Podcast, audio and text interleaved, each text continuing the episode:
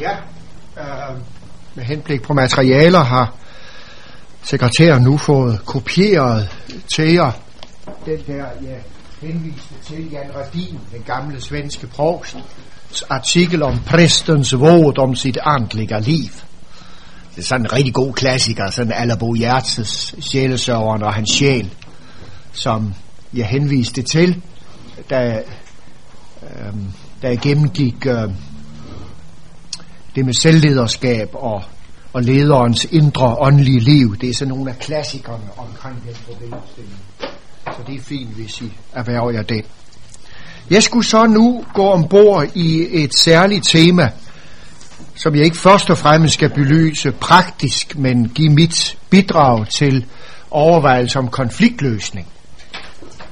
For når vi går i gang med alt det her, vi nu gør, med det, vi føler os kaldet til og forpligtet på, at der skal ske, og få nogle folk med os, og få gået nogle skridt for at danne nogle teams osv., og der kommer gang i julene, som vi siger, så opstår der altid konflikter, hvor mennesker er til sammens, bliver der konflikter. Også om vi teologisk set er grundlæggende enige, så kommer der konflikter. Så kan det bare være på andre felter, konflikterne ligger. De kommer simpelthen. Jeg vil godt indlede med at sige lidt alment om konfliktløsning i folkekirken. Hvor jeg først og fremmest vil sætte en streg under, at det er virkelig et problematisk felt. Både når man ser på selve konflikternes øh, art og antal, skal vi jo ikke overdimensionere problemstillingerne. Men der er altså mange problemer i folkekirken, som, øh, hvor problemstillinger og konflikterne er meget voldsomme. Øh, de kan nogle steder være så voldsomme, så vi ikke gør os forestillinger om det. Der er steder, hvor præster, de skriver til hinanden. Hvor en for stiftet sidder og samler præsterne, for at de kan finde ud af at lave gudstjenesteliste. Ellers kan de ikke finde ud af at lave det. Det er de helt jordnære, basale ting, man ikke kan finde ud af at få til at fungere. Eller i et menighedsråd kan man nogle steder, det er ikke få steder, der er der nødt til at sidde en fra stiftet, en, en uh, kontorchef eller stiftsfuldmægtig, som sidder med til menighedsrådsmøderne og skrider ind, hvis ikke de taler pænt til hinanden. Ikke? Og på medarbejderside, altså jeg tænker på kor, der er en øh, organist, selvfølgelig aldrig præster, men altså på medarbejderside kan problemerne også være store, så man er nødt til at bede om hjælp udefra til at komme og håndtere problemstillingen. I, ikke nødvendigvis løse den, men bare håndtere den, så det ikke går helt kage i det. Så konflikter er der mange af, og de er af en, en øh, indimellem voldsom karakter, der langt overstiger, hvad jeg forestillede mig kunne være tilfældet. Og folkekirken er jo slet ikke som system gearet til at løse konflikter. Øhm, ofte er det jo sådan, hvis biskoppen for eksempel kommer ind i billedet, eller provsten, så kommer de dels meget sent ind i billedet, hvor tingene sådan set er sejlet agterud. Og lige så snart det kirkelige tilsynssystem har fingre i sagerne, så går der jura i det. Så er dem, man måske ellers skulle henvende sig til for at bede om råd og død, pludselig er man led i en sag, der er jo, hvis det går galt, kan ende med fyringer og ting og sager. Og så bliver tingene ofte meget, meget fastlåste. Og de her provster og biskopper er slet ikke uddannet til at være konfliktløsere. Det kan en biskop samtidig erkende, at han ikke er, og så kan han finde på at finde en i stiftet, som han har indtryk af, har det der i sig, og udnævne ham til at være konflikt, nej, nej ikke konfliktknuser, men problemknuser. Det var der en præst her i stiftet, der blev kaldet til, som har en stor empati, men samtidig psykisk og fysisk ikke har noget særligt godt helbred. Han fik heller ikke knust ret mange problemer. Og også han kommer jo alt for sent ind i billedet. Ikke? Det er der, hvor de er ved at rive hovederne af hinanden. Ikke? Så er det ofte for sent, man kommer ind. Når det gælder menighedsråd, som jo nu om dage har ret meget kompetence, ret meget indflydelse i virkeligheden, det er jo principielt set et folkevalgt organ. Det er et politisk organ. De figurerer som arbejdsgivere for de ansatte ved kirken, dog ikke præsterne. De er som sædvanligt præsterne fredet i klasse A. Men for de andre er menighedsrådet arbejdsgiver. Og mange menighedsråd er jo heller ikke gearet til det at være arbejdsgiver herunder problemløsere, når der er konflikter. Det er folkevalgte mennesker, mennesker af god vilje, der gerne vil ind og gøre en arbejdsindsats til bedste for den kristne menighedsliv og vækst. Så finder de ud af, at det meste af det, det er mursten og økonomi og bøvl med medarbejdere. Og diskussioner med præsterne om det ene og det andet. Og så kan der opstå store konflikter, som de kære menighedsråder slet ikke er uddannet til at gearet til at løse, og de havde aldrig forestillet sig, at de skulle ind i sådan noget som det. Og nogle menighedsråd er også gearet til at vise medarbejderne meget tillid. De siger, jamen vi har gode, dygtige præster og kordegn og organister osv. Vi viser dem tillid. Det betyder, de skal have frihed til at virke vi har nogle, øh, nogle øh, aftaler, der står, det står i deres regulativer, hvad vi har aftalt og skrevet under på, og indtil andet viser sig, går vi selvfølgelig ud fra, at de løser disse ting på bedste vis. Så det vil vi slet ikke blande os i. Vi har stor tillid til, at de finder ud af det selv. Den indstilling har vores menighedsråd for eksempel lagt for dagen i mange år. I al frihed og tillid. Egentlig en, en fornem ting at vise en række ansatte. Vi stoler på jer, I finder ud af det der. Så vi, ønsker vi ikke at blande os yderligere. Og så opdager man pludselig, at nogle af medarbejderne går og har det halvskidt, og ikke rigtig kan finde ud af tingene. Der kommer lidt muren i krogene mellem nogle af medarbejderne, og man føler menighedsrådet. Så føler man pludselig, at menighedsrådet er fjernt og på afstand af den. Og der bliver legnet op til, at der skal være en, under, en klimaundersøgelse af samarbejdsrelationerne ved kirken, og det bliver bestilt i menighedsrådsforeningen, der sker ikke en skid, ikke? til trods for, at det er bestilt, så sker der ingenting. Og så kommer de i snak med hinanden, menighedsråd og medarbejdere, og det, der så er budskabet, det er, kunne vi ikke godt få nogle medarbejdersamtaler? Det er det, medarbejderne efterlyser. Jo, siger menighedsrådet, det kan vi. Og så træder menighedsrådet pludselig i arbejdstøjet, fordi nu er der kommet problemer. Og så sker der simpelthen det, at de har aftalt at mødes en til to gange om året til medarbejdersamtaler, der følger et ganske bestemt koncept. Og hvad er resultatet? Det er, at alle medarbejdere nu siger, vi har slet ikke brug for det der for menighedsrådsforeningen. Det vi havde brug for, det var bare den her medarbejdersamtale og efter den kan man simpelthen mærke, der er et andet klima. Der er ikke de problemer længere, som var før. Så der har menighedsrådet altså oplevet en situation, hvor de trådte i arbejdstøjet og så, at det, der skulle til, det var simpelthen bare medarbejdersamtaler.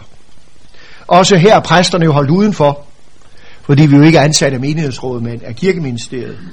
Og jeg synes da selv, det kunne have været spændende og vi øh, har haft sådan en samtale, og der er ingen, der tager den med os. Dog er der kommet noget, der hedder udviklingssamtaler med præsterne, som menigheds, nej, ikke menighedsråd, men som provsten skal føre, hvor man hører til de fysiske forhold, præsten har boligmæssigt og kirkemæssigt, og hvor der også er plads til, at man kan ytre sig i fortrolighed om, hvordan man oplever de psykiske miljø.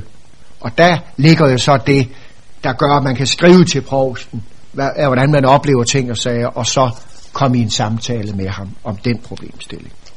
Det var bare lige sådan indledende omkring øh, folkekirken og de problemer, man kan have der.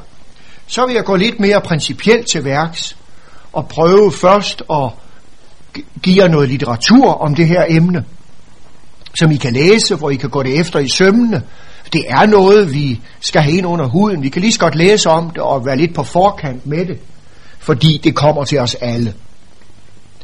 Og så vil jeg derefter prøve at belyse, hvad konflikter er for noget, hvad der ligger under konflikterne, og så prøve at komme med nogle øh, skitser, nogle forslag til, hvordan vi kan prøve at bearbejde konflikter, hvad vi skal prøve at gå efter.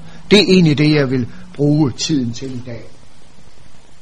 Først vil jeg nævne noget litteratur for jer. Der er først den her mursten af en bog, en norsk bog, selvfølgelig skrevet i en norsk kontekst, men der er jo nogle ting, der går igen fra de forskellige lande.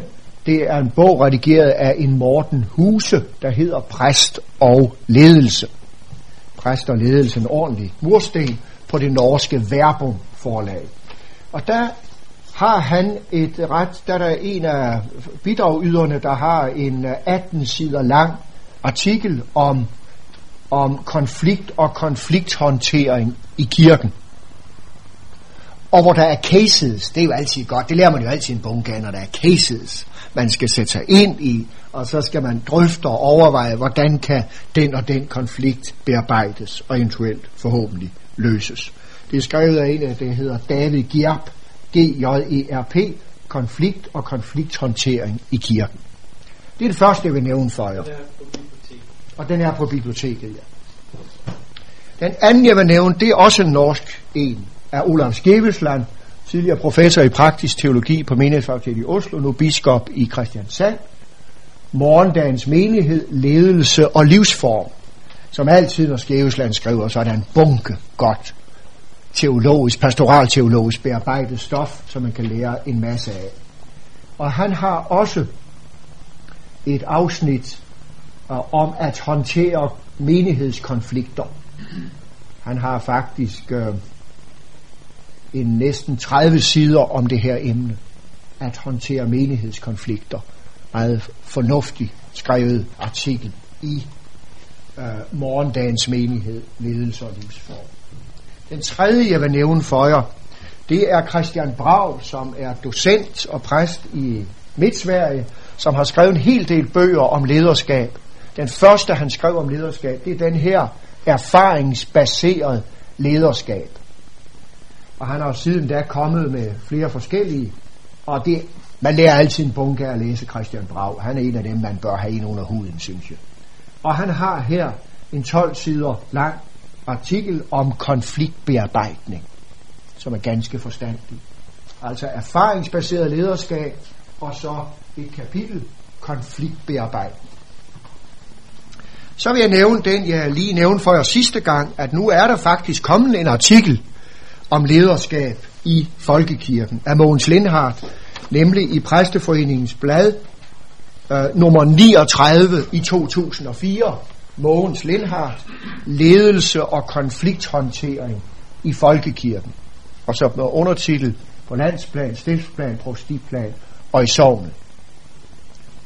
Og jeg synes faktisk, den skulle I, den skulle I tage for fingre i og læse. Mogens Lindhardt beskriver egentlig meget godt og nøgteren og ganske forstandigt de her ting i en dansk moderne folkekirkelig sammenhæng.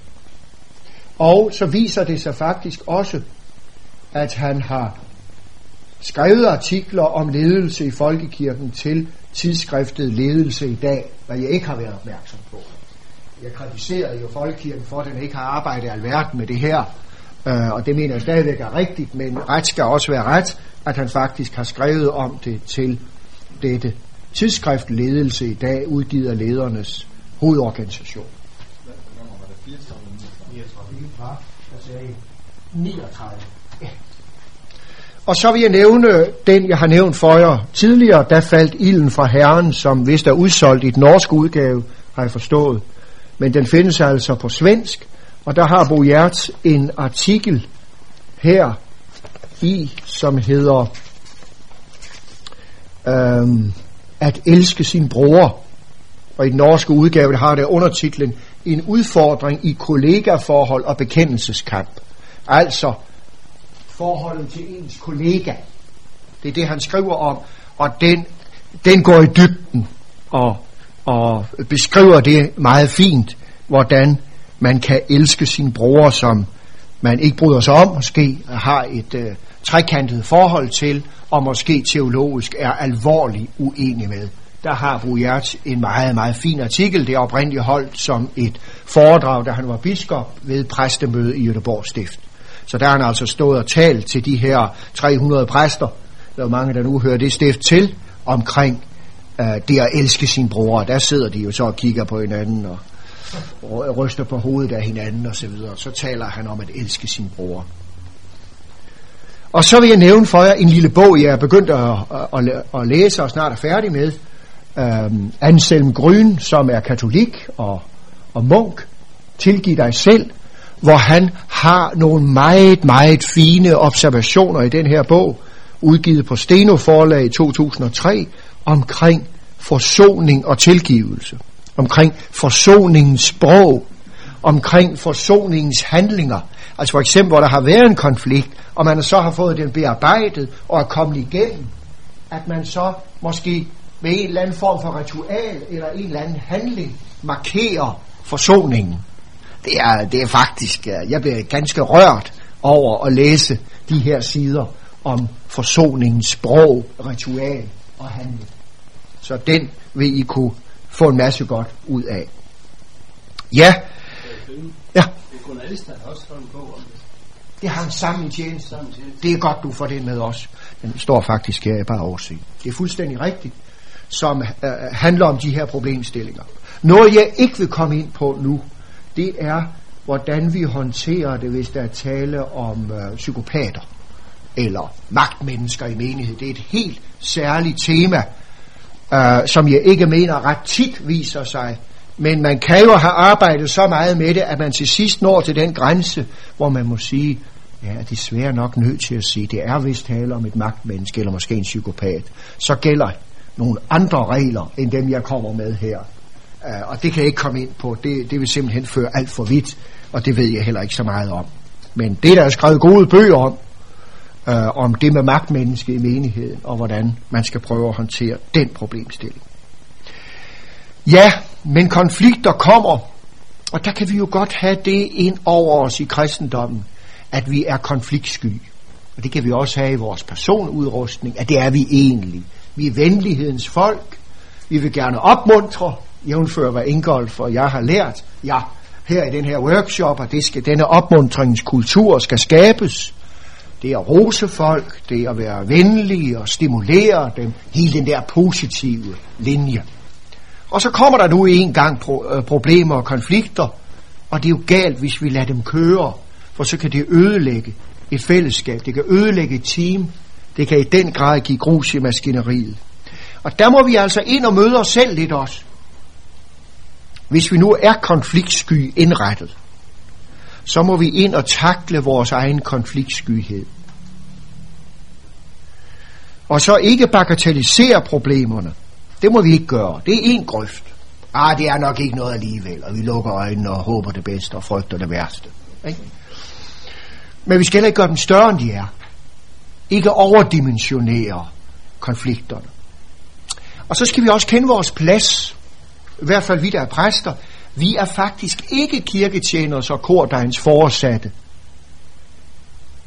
Når det gælder gudstjenesten, så bestemmer præsten suverænt og kan, om så må sige, forstå mig ret, give ordre. Nu handler det også om at føre et ordentligt sprog, når man giver ordre.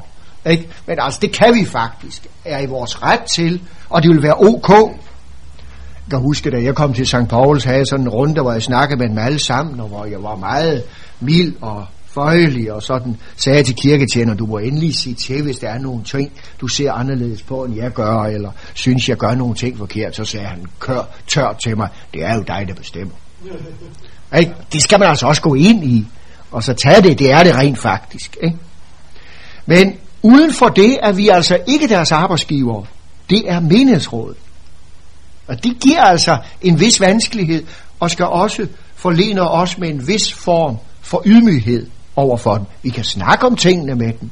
Den kirkebogsførende sovnepræst har selvfølgelig et, øh, et arbejdsgiveransvar for kordegnen på to punkter. Omkring det, at kirkebogsførende sovnepræst er begravelsesmyndighed og har ansvaret på, for kirkebøgerne. Og det må den kirkebogsførende gå ind og tage. Og der bestemmer han. Og det skal han også tage på sig. Og der bestemmer de andre præster ikke, og der bestemmer menighedsrådet ikke. Det betyder, her har kirkebogsførende sovnepræst et område, som er hans ansvarsområde med tilhørende forpligtelse. Og det må vi jo finde ud af, at vi skal have kordegn til at føre de kirkebøger ordentligt. Så der kan, være, der kan kirkebogsførende sovnepræst være nødt til at træffe nogle dispositioner over for kordegnen. Men konflikterne kommer med. Hvorfor kommer de nu? Der tror jeg egentlig, når konflikter kommer, vil det være sundt og godt, at man lige træder lidt tilbage, sådan. I stedet for at det samme og fare ind i den, så lige prøve at sunde sig lidt. Ligesom George Bush gjorde, det fortælles. At de fortæller ham, at nu er andet fly fløjet ind i, uh, i World Trade Center. Så sidder han og læser en børnebog, og det gør han i syv minutter, før der sker noget. Det fortælles, for at håne ham. Men egentlig er jeg kommet til at tænke på bagefter, det er måske ikke så tosset. Det er måske ikke så tosset. I stedet for at han gik i gang, så sammenkaldte og lige sundede sig. Ske var en sket, jeg kunne ikke ændre på det. Stevensland i sin bog prøver han at legne de seks punkter op, som det, der kan være med til at skabe en konflikt. Det kan skyldes en eller flere af disse seks ting. Misforståelser i kommunikationen. Jeg har ikke formuleret mig tydeligt nok. Vedkommende har ikke forstået mig. Uklare instrukser. Jeg har ikke klarhed over, hvad der skal laves. Diffus rolleopfat, øh, øh, rolleopfattelse. Kirketjekker har ikke fuldt tjek på, hvad han skal lave. Ham, der står for PR-gruppen i øh, ved selvskudstjenesten, er ikke velinformeret, er ikke klar over, hvad der er hans ansvar. Det er ikke øh, udtrykt. Og det betyder, at han, viser, han hviler, hviler ikke i sin opgave. Rutinisering af rollemønstre. Den kirketjener, der kører træt, eller den medarbejder, der har været med på 10 konfirmandweekends, og ligesom har prøvet det, og nu overgår han ikke rigtig med. Det gider han ikke mere. Nu har han lavet. Nu vil han gerne lave noget andet. Teologisk uenighed, hvor vi er uenige om, hvad kristendom er for noget, og hvad det øh, fører med sig. Og endelig kan der også være personlighedsforstyrrelser og karakterafvielser, som kan være med til at skabe konflikter. Og den der er egentlig god at have, og prøv lidt mærke til, hvad han gør. De fleste grunde mener han, det skyldes kommunikationsvanskelighed. Det tror jeg faktisk, det er sjældent det, det der. Det er heller ikke altid det der. I vores sammenhæng har vi jo en tendens til at teologisere, i stedet for at psykologisere. Og det er altså, det er altså ikke altid, når, når det kører skidt, at det er på grund af forskellige teologi. Det er det samtidig, og det skal have den plads, det nu skal have. Det er, det er i hvert fald det, som han nævner øh, i sin artikel om det. Og der er han så inde på, at øh, det ikke nødvendigvis hedder konfliktløsning, men det hedder måske lige så meget konfliktbearbejdning eller konflikthåndtering. Vi kan ikke altid løse konflikterne, men vi kan gå ind og bearbejde dem og håndtere dem, sådan at vi mindsker deres skadevirkning. Så vi hæver niveauet i hvert fald en smule. Her har man altså en beskeden tilgang til konfliktløsning. Man har en realisme omkring, det er ikke så nemt at få løst altid de her ting. Men vi kan måske mindske tingene, og vi kan hæve lidt niveauet. Der henviser han til Paulus' strategi, når han skal prøve at håndtere problemer over for sine menigheder. Vi ser tit, at Paulus roser øh, dem, han skriver til, dem, som han skal male imellem, taler positivt til dem. Tag for eksempel Korintherbrevets indledning. Tag for eksempel Thessalonikerbreven, hvor han opmuntrer dem, roser dem, og så går han ellers i gang med det, som han nu har og skal rette til i menigheden. Denne øh, attitude og møde mennesker med, vi har konflikter med, prøv på en eller anden måde at skabe en god, positiv stemning om det, vi skal håndtere. Prøv også at tænke på, hvis du er et konfliktemne, så er du også i forsvarsposition med det samme. Og så, og så skal de ikke sige ret meget, før vi fuldstændig eksploderer. Men hvis du mødes af venlighed, for ros, bliver værdsat for noget af det, du laver i hvert fald, så skabes der også en åbning for, at du kan modtage den kritik, der nu kommer lidt bedre. Det andet, øh, Skevesland nævner omkring Paulus, det er, at Paulus er hele tiden god til at vise det højere formål. Ikke kun stå og fedte rundt i alle de her ting, i konflikter, der nu er mellem os, men prøve på en eller anden måde at få den her overskrift over det hele. Hvad er det lige, vi er her for? Hvad er det egentlig, det hele drejer sig om? Det er jo samtidig, når, når målet og visionen er tydelig og klar, så bliver vores sandkasseproblemer til sandkasseproblemer. Det er jo ikke altid det sandkasseproblemer, men, men ofte bliver de så små, som de er, og fylder ikke så meget, og så kan man lidt lettere komme til at, at få øh, taklet dem. Så det betyder altså dette, værdsæt mennesker og handle indfølende og konkret.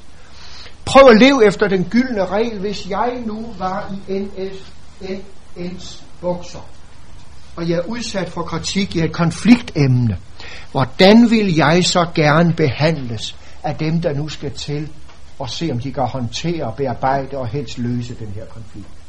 Det er jo meget menneskeligt. Ikke? Altså, hvordan vil vi gerne selv behandles, hvis vi er under kritik, hvis, I, øh, hvis vi er et konfliktemne? Og her vil jeg også godt nævne Anselm Gryns bog, Tilgiv dig selv.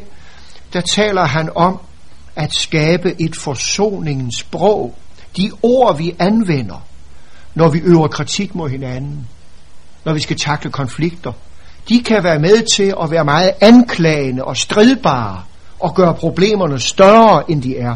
I stedet for, hvis vi fører et mildere sprog, ikke antyder ting og sager, men fører et mildere sprog, et savligere sprog, et sprog, der stræber efter forsoning, så vil vi ofte se, at vi af den vej lige så stille kan få bearbejdet konflikterne i positiv retning.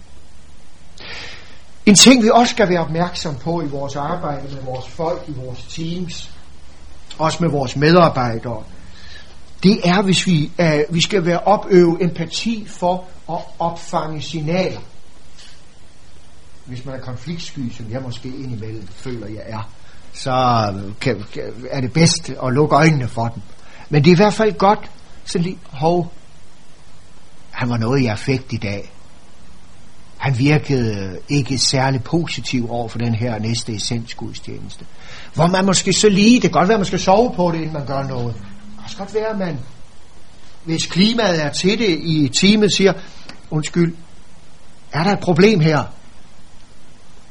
Jeg, jeg synes, jeg fornemmer en, en negativ stemning hos os. Er der et eller andet, der er galt? Hvad er galt? Er der et eller andet, vi skal snakke om, inden vi går videre? Ikke? Eller man kan også gøre det, man tager medarbejderen til side, øh, du, øh, du der er noget, jeg godt lige vil snakke med dig om. Øhm, det er muligt, det er helt forkert, hvad jeg siger, så kan du jo bare afvise det. Men, men jeg tænkte lidt på øhm, den stemning, der var ved vores teammøde her. Øh, jeg opfattede sådan en negativ udladning fra din side. Er der et problem her? Nu er du ked af? Nu er du vred over? Altså, at man tager, tager tyren ved hornen, så at sige. Altså, opøv empati over for signaler, og prøv at stille det som et åbent spørgsmål. Er der et problem her? Så kan være, nej, det var der slet ikke. Jeg, jeg, jeg er simpelthen bare træt. Det er helt fint. Er noget, vi kan gøre noget ved? Ikke? Eller, det trækker mig altså, at han siger det og det om mig. Han laver ikke galt skærning, ham der. Det er altid mig, det falder tilbage på, og så videre, og så videre. Men så kan vi jo lige så stille prøve at komme i gang. Så er det også en god ting at søge, hvis der er en konflikt, og arbejde på, at der bliver to vinder. At der bliver to vinder. Ikke en, der vinder, og en, der taber. Men at vi kommer ud med to vinder. Det er et godt princip at gå efter. Det lykkes ikke altid. Det er værd at gå efter. Og det, det betyder jo ofte efter oprydningen og arbejde med konflikten, at man så ender op i, at man giver og tager. Ikke? Det er godt det der, det skal du værdsættes for, og det har du ret i. Ikke? Men du, du må så også erkende, at på det punkt, der er det kikset, øh, og det skal der ændres på. Og den anden får det samme. Ikke? Det er godt det der, det er fint, og på det punkt, skal der arbejdes videre. Så kan de give hinanden hånden og komme videre. De har begge to noget at arbejde med, og de er begge to vundet. Så er der jo den, den basale ting at skelne mellem sag og person. Vi har jo alt, vi har jo vores symer og antipatier. Der er nogen, vi, har, vi er i god kemi med. Der er nogen, vi kan lide, ikke? som vi umiddelbart arbejder sammen, godt sammen med, og det er ofte dem, der siger noget pænt og godt til os. Dem er vi særlig glade for. Hvis dem, der ikke siger noget pænt til os, virker ligeglade, eller måske endnu kritiserer os, dem kan vi også have det sådan her overfor. Og der er det vigtigt, at vi hæver, vi hæver niveau og ser, hvad drejer sagen så om. og i den sammenhæng ser forbi personen. Så kan der være nogle faser, når man skal prøve at takle konflikt. Der er, at vi må have klargjort, hvad er egentlig problemet? Hvor er vi henne? Og det er det første problem, øh, definering. Det andet, det er afgrænse. Det betyder at skrælle alt det fra, som måske ser ud til at være problemet, men det er det faktisk ikke. Og det tredje, det er så at genarbejde den. Og det fjerde, det er så at komme frem til en afslutning af konflikthåndteringen. Og samtalen er jo her et vigtigt redskab.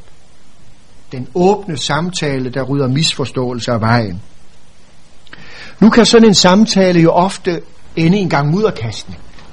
Det sker tit omkring sådan nogle forhold her, hvor, hvor, de, hvor de smider mudder på hinanden, og man kommer ikke rigtig ud øh, af stedet.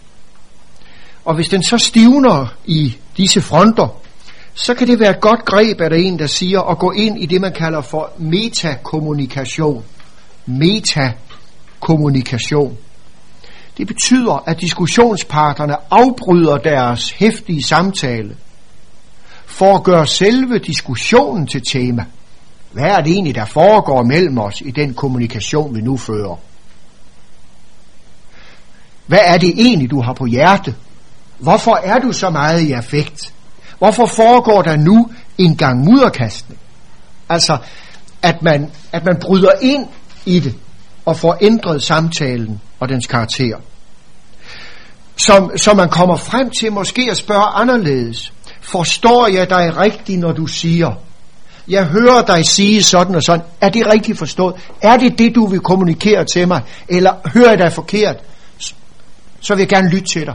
Altså, at vi, at vi ved den måde at spørge hinanden hele tiden arbejder på at komme frem til at forstå den anden, til at opfatte den anden og det han siger til mig, sådan som han nu vil sige det.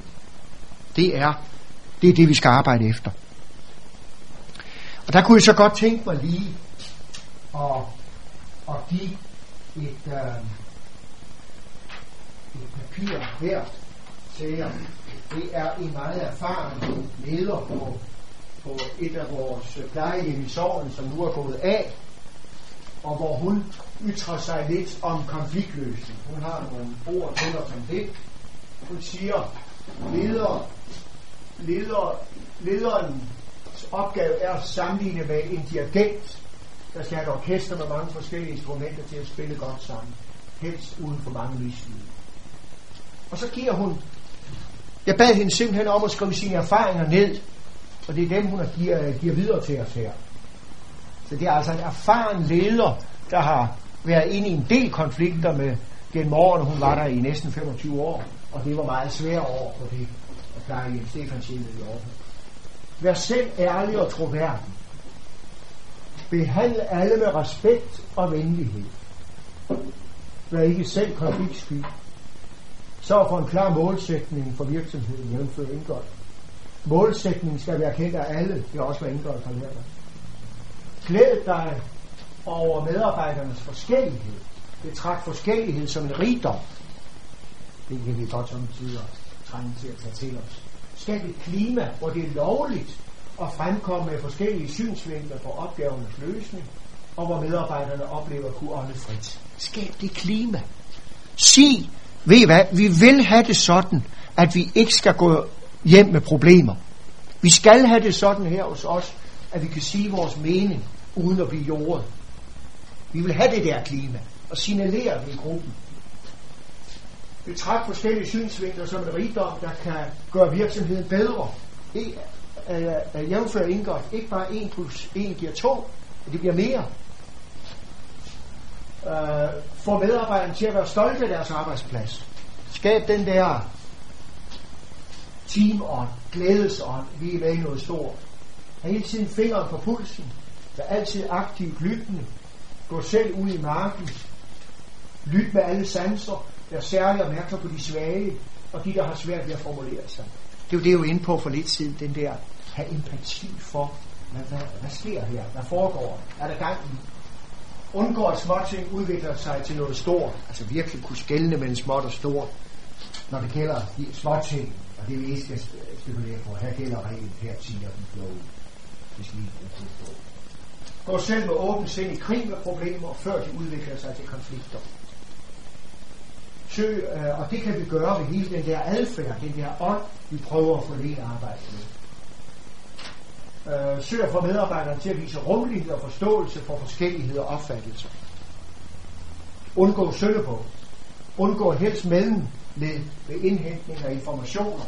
Det er en vigtig ting, at vi ikke hører det fra tredje fjerde mand, men får den direkte kommunikation fra personen selv, og ikke via omveje. Undgå det han. Hør alle parter. Indhent parternes forslag om løsninger. Det er, hvis vi sidder i et team og drøfter det. Så hør, hvad de forskellige siger, så du ikke for hurtigt får konkluderet. Husk, at ikke alle mennesker har fælles kemi. Det kan du ikke, og det kan du. Det må jo bare leve med, at vi har viden. Og vi skal ikke kun være i team med dem, vi har fælles kemi med. Vi skal også have nogen, vi ikke har kemi med. Måske kan omplacering løse en begyndende konflikt. Det er jo set firmamæssigt. Kunne I flytte en fra PR-gruppen over i en anden gruppe? Det har ikke været Handel i tide. Brug eventuelt stedets målsætning som regnsløb. Hvad er det, vi vil her? Have hår på brystet, vær ikke handlingslammet. Det er også stadig en kvinde. Men det er dog skrevet med, med kursiv. Og så den her. analyserer og vurderer indhentede informationer reflekterer løbende over situationen, sov i nat, inden du træffer store afgørelser. Det er, en, det, det er en meget vigtig regel. Det bruger Kordagen og jeg ved St. Pauls Kirke altid i gamle dage. Vi sagde tit til hinanden, når vi havde noget, vi skulle takle. Det sover vi på. Og så, står, så stod vi op, så træffede vi Gør det velovervejet, men tøv ikke for længe. Man skal heller ikke lade tingene gå i langdrag. Sylte det. Det skal jo takle. Stræb om muligt efter en løsning uden taber. Det var den, jeg var inde på for lidt siden. Har du en god sparringspartner, som du kan vende situationen med, så glæder dig over at bruge denne, men træf selv afgørelse. Vi skal ikke løbe fra vores ansvar. Det er os, der skal træffe afgørelse. Det er godt at have en lige at vende med. Vær ikke selv i svejende stiv uden holdninger. En leder er altså nødt til at være en, der har en holdning. En leder kan ikke altid være populær, og skal være i stand til at træffe ubehagelige afgørelser, når det er nødvendigt. Gør det fornødende, og gør det tid, også selvom du er ubehagelig for dig selv. Undersøgelser af konsulentfirmaer og offentlige undersøgelser forhaler tingene og tingene, og betragtet som syltekrukker og ubehagelige afgørelser, der skal træffes for at opnå tilfredsstillende løsninger. Sådan kan det være. Og så øh, vil jeg sige, at vi jo, når vi er inde i en konflikt, det, øh, der kan vi også selv være part i den jo. Det er jo ikke nødvendigvis de to i, i PR-teamet, der er på kant med hinanden. Vi kan jo også være på kant med nogen, eller nogen kan være på kant med os. Uh, det, der skal vi gribe i egen barn, uh, øh, når, når vi har konflikter kørende. Og der vil jeg godt legne øh, nogle fem spørgsmål op, som jeg synes, vi skal stille os selv, når vi vil afklare vores egen rolle i en konflikt. Et, kan det være sådan, at konflikten i det mindste delvis beror på dårlig indlevelse fra min egen side? Kan det skyldes, i hvert fald delvis, at jeg ikke har levet mig ordentligt ind i det her? To. Forstår du, hvordan de andre tænker og reagerer, hvorfor de opfører sig, som de gør? Forstår du, hvordan de andre tænker og reagerer, hvordan de opfører sig? Altså, ligesom, gå bag om det. Hvorfor siger han det, det skvader Hvorfor har han gjort det? Hvad kan grunden være til det? Prøv at gå bag om.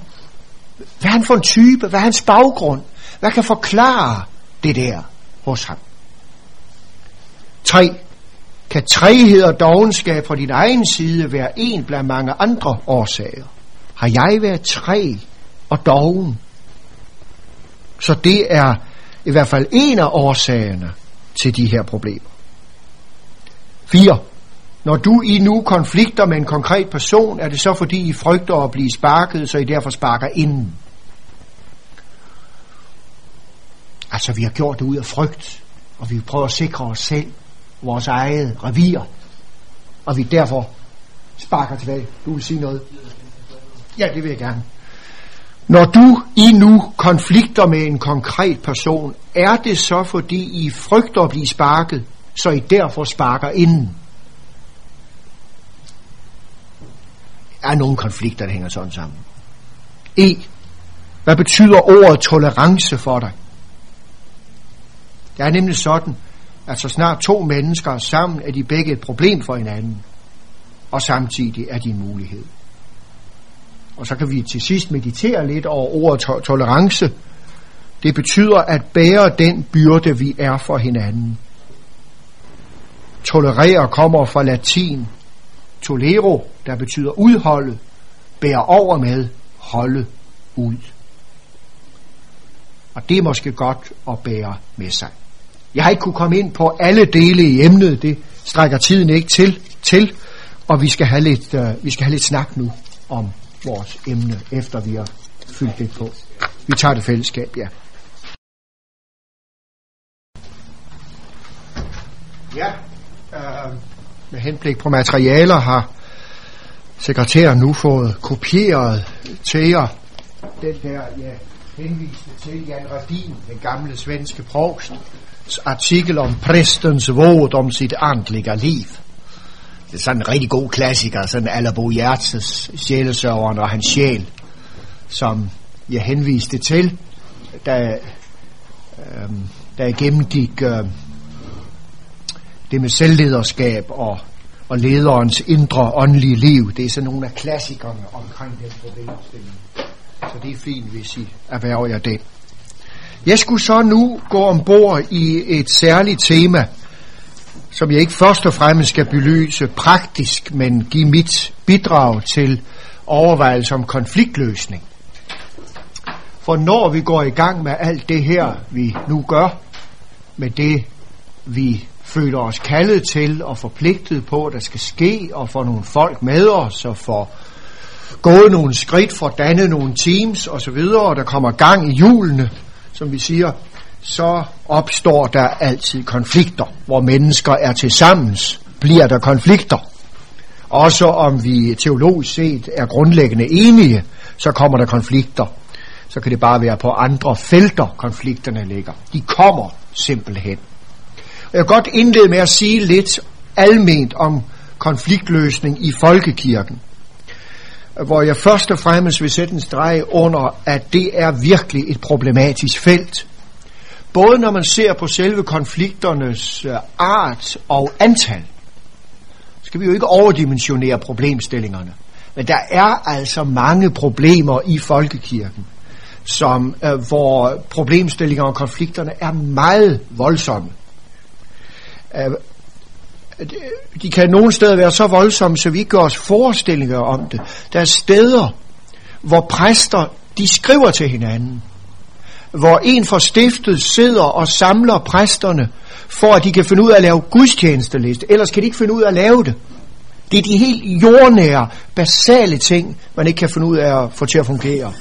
Eller i et menighedsråd kan man nogle steder, det er ikke få steder, der er der nødt til at sidde en fra stiftet, en, en uh, kontorchef eller stiftsfuldmægtig, som sidder med til menighedsrådsmøderne og skrider ind, hvis ikke de taler pænt til hinanden. Ikke? Og på medarbejderside, altså jeg tænker på kordegn, øh, organist, selvfølgelig aldrig præster, men altså på medarbejderside kan problemerne også være store, så man er nødt til at bede om hjælp udefra til at komme og håndtere problemstillingen. I, ikke nødvendigvis løse den, men bare håndtere den, så det ikke går helt kage i det. Så konflikter er der mange af, og de er af en, en øh, indimellem voldsom karakter, der langt overstiger, hvad jeg forestillede mig kunne være tilfældet. Og folkekirken er jo slet ikke som system gearet til at løse konflikter. Øhm, ofte er det jo sådan, hvis biskoppen for eksempel kommer ind i billedet, eller provsten, så kommer de dels meget sent ind i billedet, hvor tingene sådan set er sejlet agterud. Og lige så snart det kirkelige tilsynssystem har fingre i sagerne, så går der jura i det. så er dem, man måske ellers kunne henvende sig til for at bede om råd og død, pludselig er man led i en sag, der er jo, hvis det går galt, kan ende med fyringer og ting og sager. Og så bliver tingene ofte meget, meget fastlåste. Og de her provster og biskopper er slet ikke uddannet til at være konfliktløsere.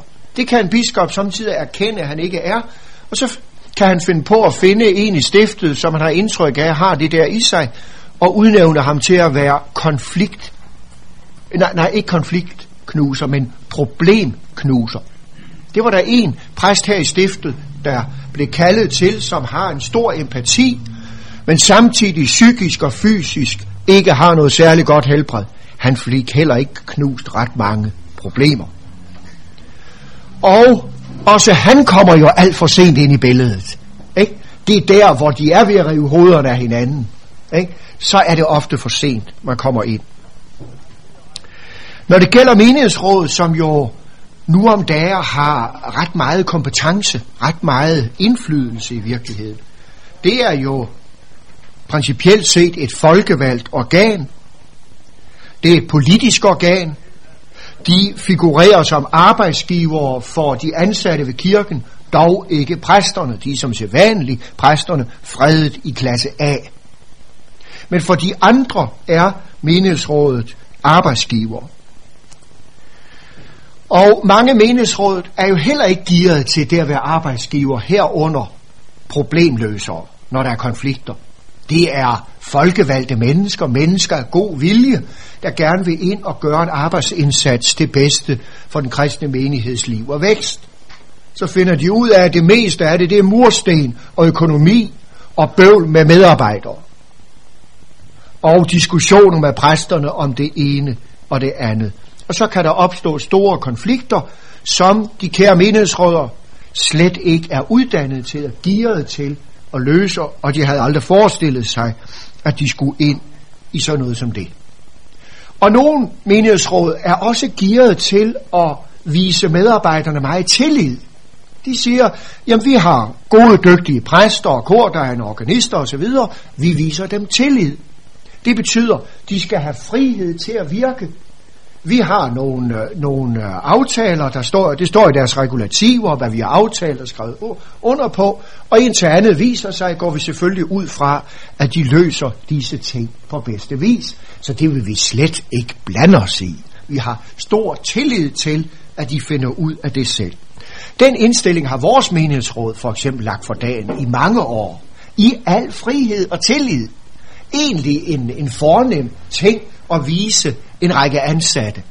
Vi stoler på jer, I finder ud af det der. Så vi, ønsker vi ikke at blande os yderligere. Og så opdager man pludselig, at nogle af medarbejderne går og har det halvskidt, og ikke rigtig kan finde ud af tingene. Der kommer lidt muren i krogene mellem nogle af medarbejderne, og man føler menighedsrådet. Så føler man pludselig, at menighedsrådet er fjernt, og på afstand af den. Og der bliver legnet op til, at der skal være en, under, en klimaundersøgelse af samarbejdsrelationerne ved kirken, og det bliver bestilt i menighedsrådsforeningen, der sker ikke en skid, ikke? til trods for, at det er bestilt, så sker der ingenting. Og så kommer de i snak med hinanden, menighedsråd og medarbejdere, og det, der så er budskabet, det er, kunne vi ikke godt få nogle medarbejdersamtaler? Det er det, medarbejderne efterlyser. Jo, siger menighedsrådet, det kan vi. Og så træder menighedsrådet pludselig i arbejdstøjet, fordi nu er der kommet problemer. Og så sker der simpelthen det, at de har aftalt at mødes en til to gange om året til medarbejdersamtaler, der følger et ganske bestemt koncept. Og hvad er resultatet? Det er, at alle medarbejderne nu siger, vi har slet ikke brug for det der for menighedsrådsforeningen.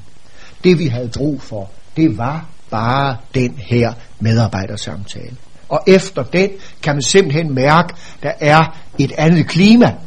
Der er ikke de problemer længere, som var før. Så der har menighedsrådet altså oplevet en situation, hvor de trådte i arbejdstøjet og så, at det, der skulle til, det var simpelthen bare medarbejdersamtaler. Også her er præsterne jo holdt udenfor, fordi vi jo ikke er ansat af menighedsrådet, men af kirkeministeriet. Og jeg synes da selv, det kunne have været spændende og vi øh, har haft sådan en samtale, og der er ingen, der tager den med os. Dog er der kommet noget der hedder udviklingssamtaler med præsterne, som menigheds, nej, ikke menighedsråd, men som provsten skal føre, hvor man hører til de fysiske forhold, præsten har boligmæssigt og kirkemæssigt, og hvor der også er plads til, at man kan ytre sig i fortrolighed om, hvordan man oplever det psykiske miljø. Og der ligger jo så det, der gør, at man kan skrive til provsten, hvordan man oplever ting og sager, og så komme i en samtale med ham om den problemstilling. Det var bare lige sådan indledende omkring øh, folkekirken og de problemer, man kan have der. Så vil jeg gå lidt mere principielt til værks og prøve først at give jer noget litteratur om det her emne, som I kan læse, hvor I kan gå det efter i sømmene. Det er noget, vi skal have ind under huden. Vi kan lige så godt læse om det og være lidt på forkant med det, fordi det kommer til os alle. Og så vil jeg derefter prøve at belyse, hvad konflikter er for noget, hvad der ligger under konflikterne, og så prøve at komme med nogle øh, skitser, nogle forslag til, hvordan vi kan prøve at bearbejde konflikter, hvad vi skal prøve at gå efter. Det er egentlig det, jeg vil bruge tiden til i dag. Først vil jeg nævne noget litteratur for jer. Der er først den her mursten af en bog, en norsk bog, selvfølgelig skrevet i en norsk kontekst, men der er jo nogle ting, der går igen fra de forskellige lande. Det er en bog redigeret af en Morten Huse, der hedder Præst og Ledelse. Præst og Ledelse, en ordentlig mursten på det norske Verbum forlag. Og der har han et ret, der er en af bidragyderne, der har en øh, 18 sider lang artikel om, om konflikt og konflikthåndtering i kirken. Og hvor der er cases, det er jo altid godt, det lærer man jo altid i en bunke, når der er cases, man skal sætte sig ind i, og så skal man drøfte og overveje, hvordan kan den og den konflikt bearbejdes, og eventuelt forhåbentlig løses. Det er skrevet af en af, det hedder David Gjerp, G-J-E-R-P, konflikt og konflikthåndtering i kirken. Det er det første, jeg vil nævne for jer. Og den er på biblioteket, ja. Den anden, jeg vil nævne, det er også en norsk en af Olav Skevesland, tidligere professor i praktisk teologi på menighedsfakultetet i Oslo, nu biskop i Kristiansand. Morgendagens menighed, ledelse og livsform. Som altid, når Skevesland skriver, så er der en bunke godt teologisk, pastoralteologisk bearbejdet stof, som man kan lære en masse af. Og han har også et afsnit uh, om at håndtere menighedskonflikter. Han har faktisk uh, en næsten 30 sider om det her emne, at håndtere menighedskonflikter. Meget fornuftig skrevet artikel i uh, morgendagens menighed, ledelse og livsform. Den tredje, jeg vil nævne for jer, det er Christian Brav, som er docent og præst i Midtsverige, som har skrevet en hel del bøger om lederskab. Den første, han skrev om lederskab, det er den her erfaringsbaseret lederskab. Og han har siden da kommet med flere forskellige, og det, man lærer altid en bunke at læse Christian Brav. Han er en af dem, man bør have ind under huden, synes jeg.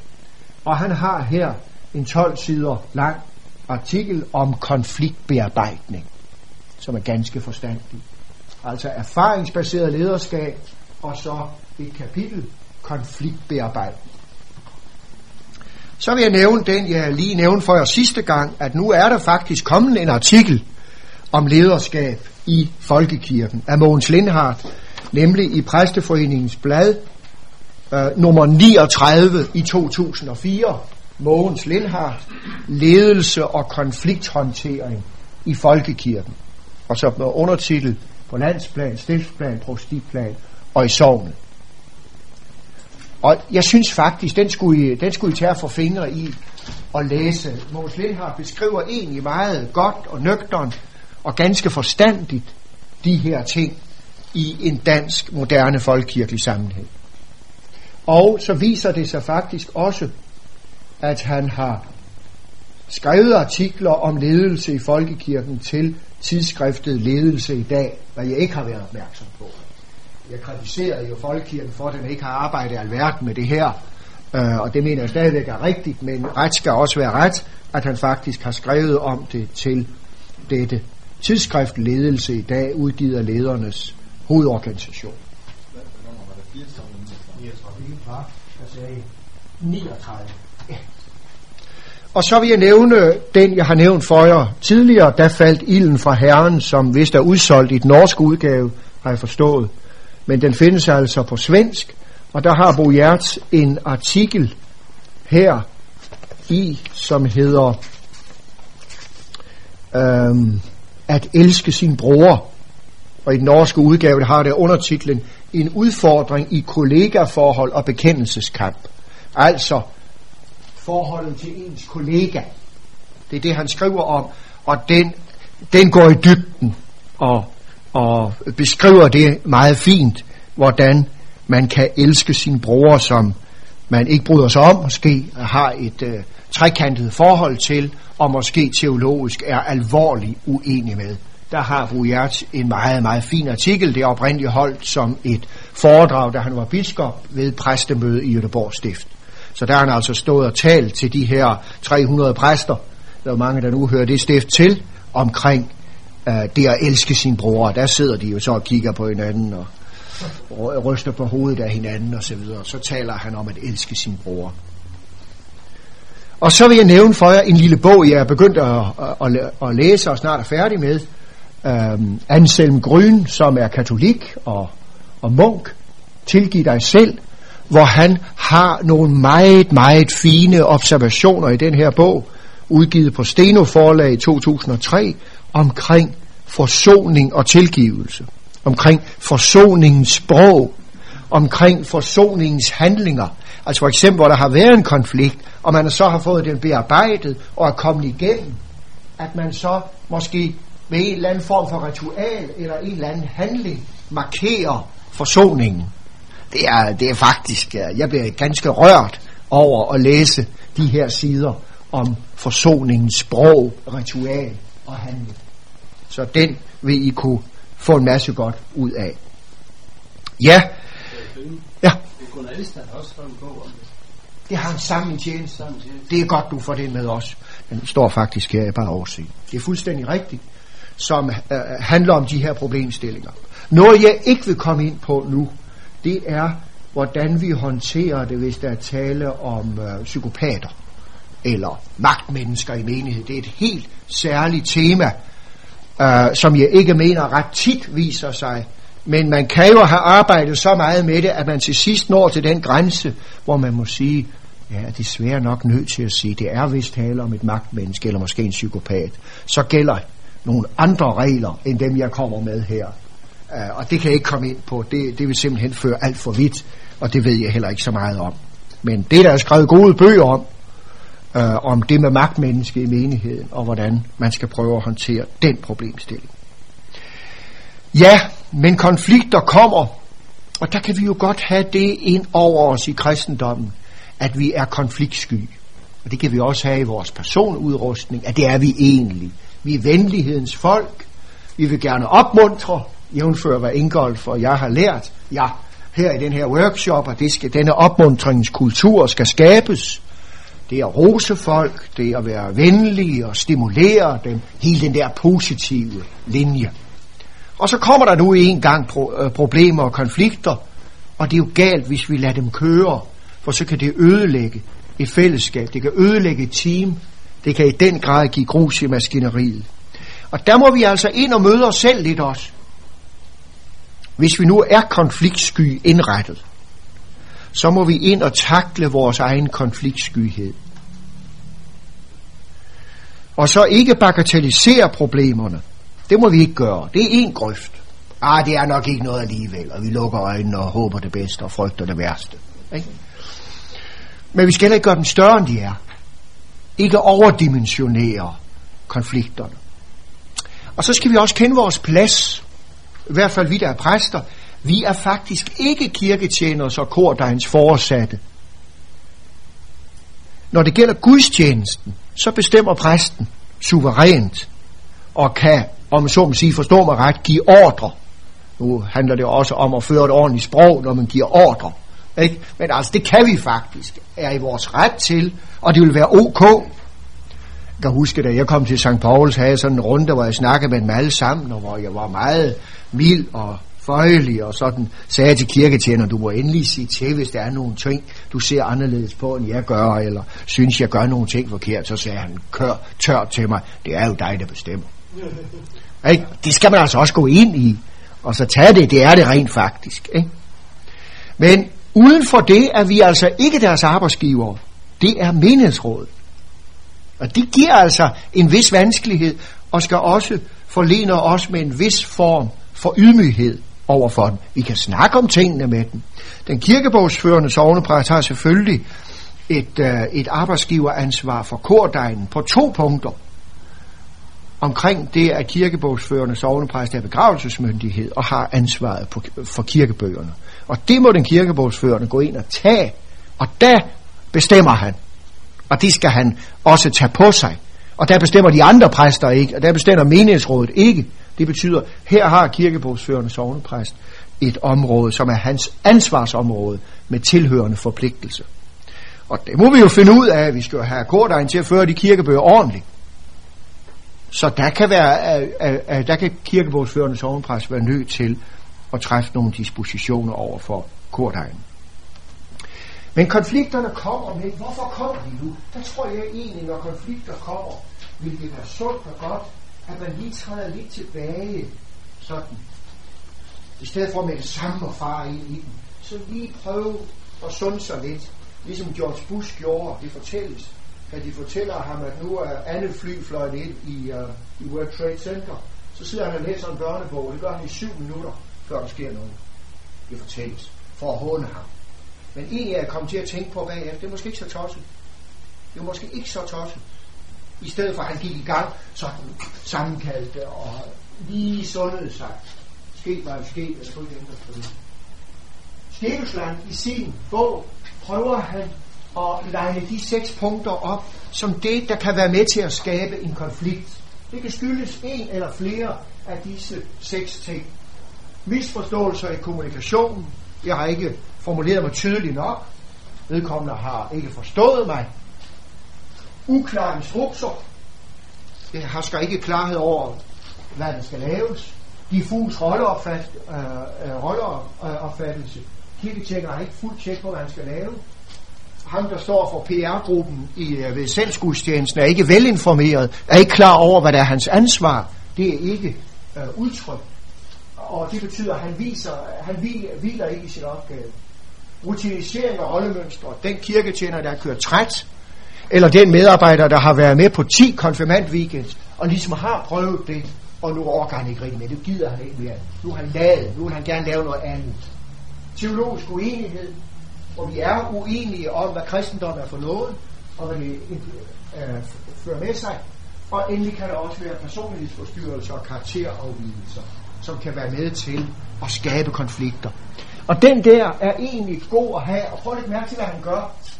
De fleste grunde, mener han, det skyldes kommunikationsvanskelighed. Det tror jeg faktisk, han er ret Det er sjældent det, det der. Det er heller ikke altid det der.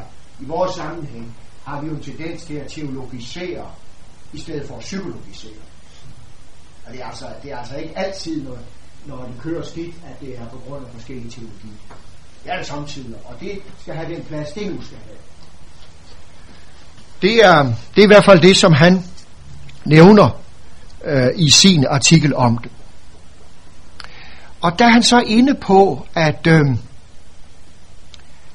det ikke nødvendigvis hedder konfliktløsning, men det hedder måske lige så meget konfliktbearbejdning eller konflikthåndtering. Vi kan ikke altid løse konflikterne, men vi kan gå ind og bearbejde dem og håndterer dem, sådan at vi mindsker deres skadevirkning. Så vi hæver niveauet i hvert fald en smule. Her har man altså en beskeden tilgang til konfliktløsning. Man har en realisme omkring, det er ikke så nemt at få løst altid de her ting. Men vi kan måske mindske tingene, og vi kan hæve lidt niveauet. Der henviser han til Paulus' strategi, når han skal prøve at håndtere problemer over for sine menigheder. Vi ser tit, at Paulus roser øh, dem, han skriver til, dem, som han skal male imellem, taler positivt til dem. Tag for eksempel Korintherbrevets indledning. Tag for eksempel Thessalonikerbreven, hvor han opmuntrer dem, roser dem, og så går han ellers i gang med det, som han nu har og skal rette til i menigheden. Denne øh, attitude og møde mennesker med, vi har konflikter med, prøv på en eller anden måde at skabe en god, positiv stemning om det, vi skal håndtere. Prøv også at tænke på, hvis du er et konfliktemne, så er du også i forsvarsposition med det samme. Og så, og så skal de ikke sige ret meget, før vi fuldstændig eksploderer.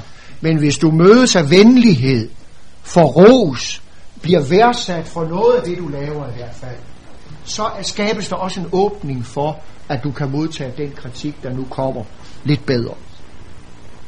Det andet, øh, Skevesland nævner omkring Paulus, det er, at Paulus er hele tiden god til at vise det højere formål. Ikke kun stå og fikke rundt i alle de her ting, de konflikter, der nu er mellem os, men prøve på en eller anden måde at få den her overskrift over det hele. Hvad er det lige, vi er her for? Hvad er det egentlig, det hele drejer sig om? Det er jo samtidig, når, når målet og visionen er tydelig og klar, så bliver vores sandkasseproblemer til sandkasseproblemer. Det er jo ikke altid det sandkasseproblemer, men, men ofte bliver de så små, som de er, og fylder ikke så meget. Og så kan man lidt lettere komme til at, at få øh, taklet dem. Så det betyder altså dette, værdsæt mennesker og handle indfølende og konkret. Prøv at leve efter den gyldne regel, hvis jeg nu var i NS, NS bukser, og jeg er udsat for kritik i et konfliktemne, hvordan vil jeg så gerne behandles af dem, der nu skal til og se, om de kan håndtere, bearbejde og helst løse den her konflikt? Det er jo meget menneskeligt. Ikke? Altså, hvordan vil vi gerne selv behandles? hvis vi er under kritik, hvis, vi, øh, hvis vi er et konfliktemne. Og her vil jeg også godt nævne Anselm Gryns bog, Tilgiv dig selv. Der taler han om at skabe et forsoningens sprog. De ord, vi anvender, når vi øver kritik mod hinanden, når vi skal takle konflikter, de kan være med til at være meget anklagende og stridbare og gøre problemerne større, end de er. I stedet for, hvis vi fører et mildere sprog, ikke antyder ting og sager, men fører et mildere sprog, et savligere sprog, et sprog, der stræber efter forsoning, så vil vi ofte se, at vi af den vej lige så stille kan få bearbejdet konflikterne i positiv retning. En ting, vi også skal være opmærksom på i vores arbejde med vores folk, i vores teams, også med vores medarbejdere, det er, hvis vi, øh, vi skal være opøve empati for at opfange signaler. Hvis man er konfliktsky, som jeg måske indimellem føler, jeg er, så kan, er det bedst at lukke øjnene for den. Men det er i hvert fald godt, så lige, hov, han var noget i affekt i dag. Han virkede ikke særlig positiv over for den her næste essensgudstjeneste. Hvor man måske så lige, det kan godt være, at man skal sove på det, inden man gør noget Det også godt være, at man, hvis klimaet er til det i teamet, siger, undskyld, er der et problem her? Jeg, jeg synes, jeg fornemmer en, en negativ stemning hos os. Er der et eller andet, der er galt? Hvad er galt? Er der et eller andet, vi skal snakke om, inden vi går videre? Ikke? Eller man kan også gøre det, man tager medarbejderen til side, øh, du, øh, du der er noget, jeg godt lige vil snakke med dig om. Øhm, det er muligt, det er helt forkert, hvad jeg siger, så kan du jo bare afvise det. Men, men jeg tænkte lidt på, øhm, den stemning, der var ved vores teammøde her. Øh, jeg opfattede sådan en negativ udladning fra din side. Er der et problem her? Nu er du ked af? Nu er du vred over? Altså, at man tager, tager tyren ved hornen, så at sige. Altså, opøv empati over for signaler, og prøv at stille det som et åbent spørgsmål. Er der et problem her? Så kan vi, nej, det var der slet ikke. Jeg, jeg, jeg er simpelthen bare træt. Det er helt fint Er noget vi kan gøre noget ved. Ikke? Eller, det trækker mig altså, at han siger det er det om mig. Han laver ikke dagens skærning, ham der. Det er altid mig, det falder tilbage på, og så videre, og så videre. Men så kan vi jo lige så stille prøve at komme i gang. Så er det også en god ting at søge, hvis der er en konflikt, og arbejde på, at der bliver to vinder. At der bliver to vinder. Ikke en, der vinder, og en, der taber. Men at vi kommer ud med to vinder Det er et godt princip at gå efter. Det lykkes ikke altid. Det er værd at gå efter. Og det, det betyder jo ofte efter oprydningen og arbejde med konflikten, at man så ender op i, at man giver og tager. Ikke? Det er godt det der, det skal du værdsættes for, og det har du ret i. Ikke? Men du, du må så også erkende, at på det punkt, der er det kikset, øh, og det skal der ændres på. Og den anden får det samme. Ikke? Det er godt det der, det er fint, og på det punkt skal der arbejdes videre. Så kan de give hinanden hånden og komme videre. De har begge to noget at arbejde med, og de er begge to vundet. Så er der jo den, den basale ting at skelne mellem sag og person. Vi har jo alt, vi har jo vores symer og antipatier. Der er nogen, vi er, vi er i god kemi med. Der er nogen, vi kan lide, ikke? som vi umiddelbart arbejder sammen, godt sammen med, og det er ofte dem, der siger noget pænt og godt til os. Dem er vi særlig glade for. Hvis dem, der ikke siger noget pænt til os, virker ligeglade, eller måske endda kritiserer os, dem kan vi også have det sådan her overfor. Og der er det vigtigt, at vi hæver, vi hæver niveau og ser, hvad drejer sagen sig om. Og i den sammenhæng ser forbi personen. Så kan der være nogle faser, når man skal prøve at takle konflikt. Der er, at vi må have klargjort, hvad er egentlig problemet? Hvor er vi henne? Og det er det første problem, øh, definering. Det andet, det er afgrænset.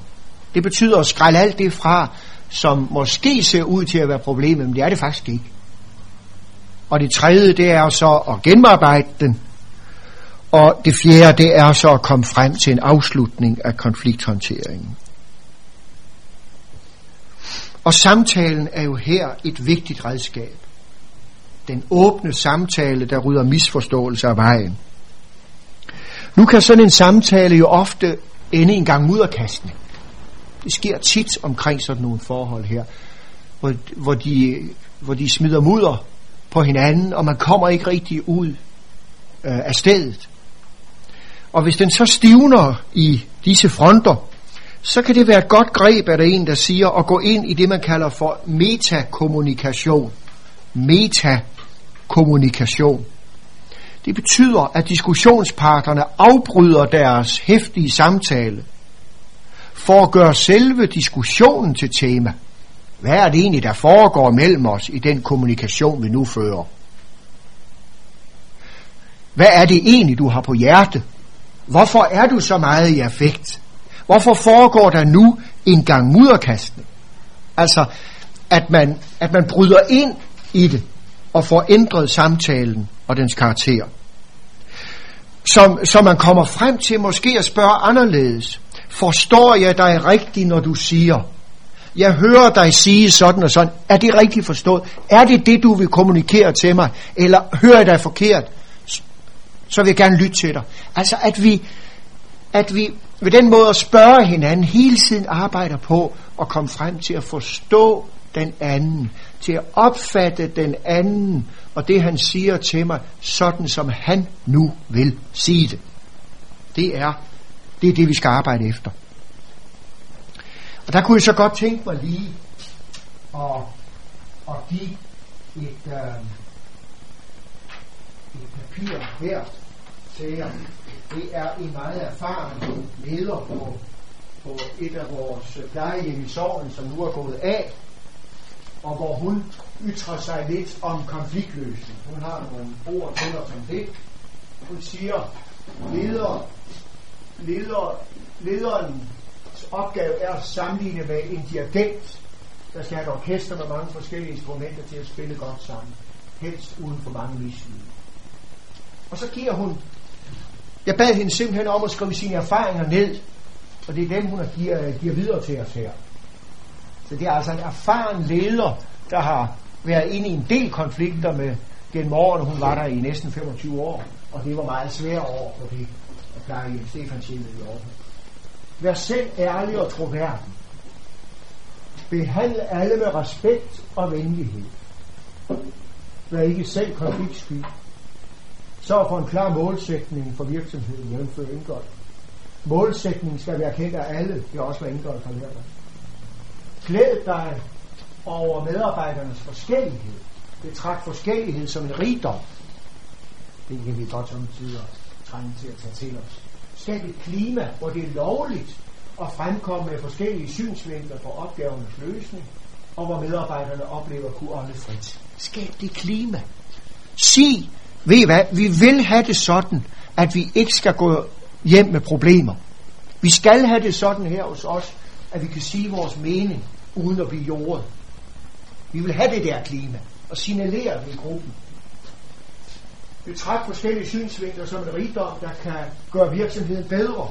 Det er jævnfør indgået. Ikke bare 1 plus 1 giver 2, det bliver mere. Uh, få medarbejderne til at være stolte af deres arbejdsplads. Skab den der teamånd, glædesånd, vi er med i noget stort. Har hele tiden fingeren på pulsen. Vær altid aktivt lyttende. Gå selv ud i marken. Lyt med alle sanser. Vær særlig opmærksom på de svage, og de, der har svært ved at formulere sig. Det er jo det, jeg var inde på for lidt siden, den der, have empati for, hvad, hvad, hvad sker her? Hvad foregår? Er der gang i? Undgå at småting udvikler sig til noget stort, altså virkelig kunne skælne mellem småt og stort, når det gælder de småting, og det vi ikke skal spekulere på. Her gælder reglen, her tiger den flow. Det skal vi bruge går selv med åben sind i krig med problemer, før de udvikler sig til konflikter. Søg, øh, og det kan vi gøre ved hele den der adfærd, den der ånd, vi prøver at få lidt arbejde med. Øh, søg at få medarbejderne til at vise rummelighed og forståelse for forskellighed og opfattelser. Undgå søndebog. Undgå helst mellem med, med indhentning af informationer. Det er også en vigtig ting, at vi ikke hører det fra tredje fjerde mand, men får den direkte kommunikation fra personen selv, og ikke via omveje. Undgå søndebællighed. Hør alle parter.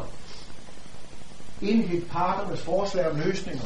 Det er, hvis vi sidder i et team og drøfter det. Så hør, hvad de forskellige siger, så du ikke for hurtigt får konkluderet. Husk, at ikke alle mennesker har fælles kemi. Det kan du ikke, og det kan du. Det er jo bare levende, at de har det. Og vi skal ikke kun være i team med dem, vi har fælles kemi med. Vi skal også have nogen, vi ikke har kemi med. Måske kan omplacering løse en begyndende konflikt. Det er jo set firmamæssigt. Kunne vi flytte ind fra PR-gruppen over i en anden gruppe? Det har nok ikke været Han i tide. Brug eventuelt stedets målsætning som rettesnor. Hvad er det, vi vil her? Have hår på brystet, der ikke er handlingslammet. Det er også skrevet af en kvinde.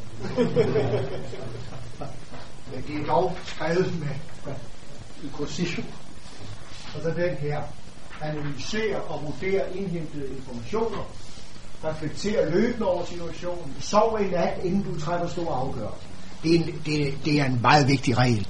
Det brugte Kordagen og jeg ved St. Pauls Kirke altid i gamle dage. Vi sagde tit til hinanden, når vi havde noget, vi skulle takle. Det sover vi på.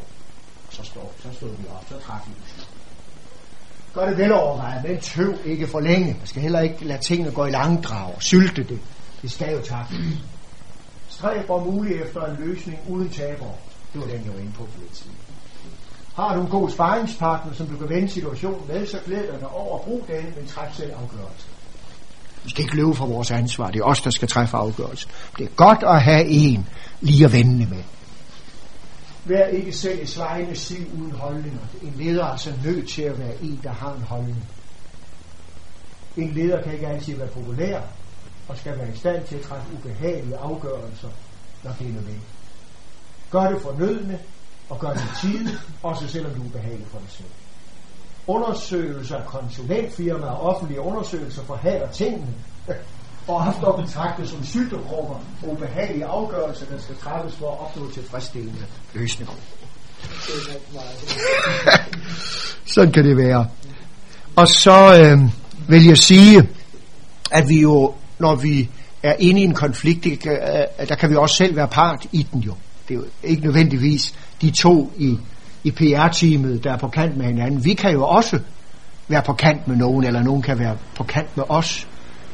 Uh, det, der skal vi gribe i egen barn, øh, når, når vi har konflikter kørende. Og der vil jeg godt legne uh, nogle fem spørgsmål op, som jeg synes, vi skal stille os selv, når vi vil afklare vores egen rolle i en konflikt.